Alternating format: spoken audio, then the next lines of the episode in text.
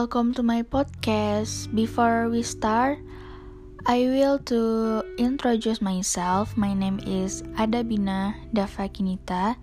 In this first podcast, I will talk about toxic positivity. You know toxic positivity? Yeah.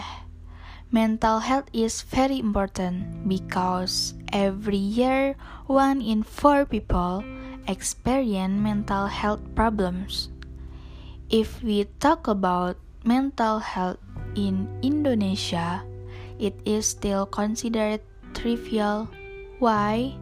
For example, if someone who is depressed is said to be weak or lack faith, he is even called that he is not close to his God until someone is ordered to ruqyah. Another example is if we hear the news of someone committing suicide, well, their creed must be shame, bad talk, even bad comments. When in fact he committed suicide we already got the fact how heavy the problems or burden he created when he was alive. We should be more empathic. Our society accustomed itself to being shackled with positivity toxic name. You must have experienced it for example, if you have a problem again, then you confide in a friend, then your friend respond to your remarks, be pay, be patient. Yes, you will forget. Stay positive. Try to be more grateful. Many people are worse off than the problem you. Or you are also often in your friend's position, you tell your friends to bury deep in their negative feelings and emotion when they have a problem. Positivity vibes only. I am actual also because I was born in a society that say negative feelings are bad and positive feelings are good. I have been in the position of having to be self-surprising because I didn't want to be called a grumpy or a complainer. I have also been in the position before the answer I gave was almost the same as just be patient, keep up the spirit, and so on.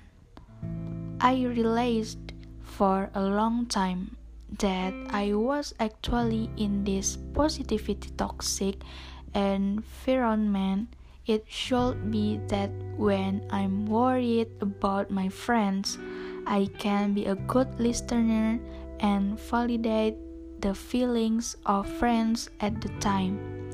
It is better if human feelings are not easy for use for us to categorize that easily. Negative feelings that are felt are not always bad, even with us being honest with ourselves on what we feel agree sad, or disappointed.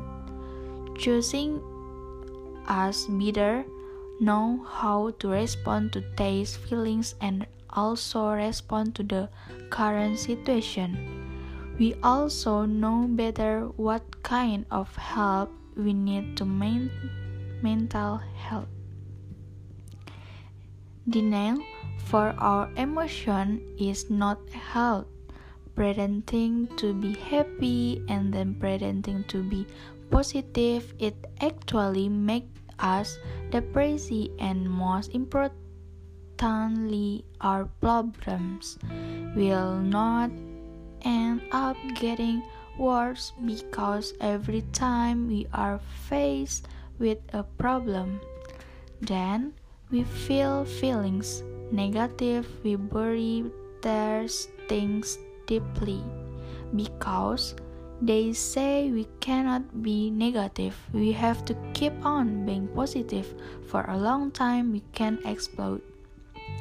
From now on, for example, we have our upset, disappointed, and then condition of something or someone and then agree said it's okay don't feel it's a bad thing it's a normal and most important thing to if we confide in friends be good listening and provide value that is useful.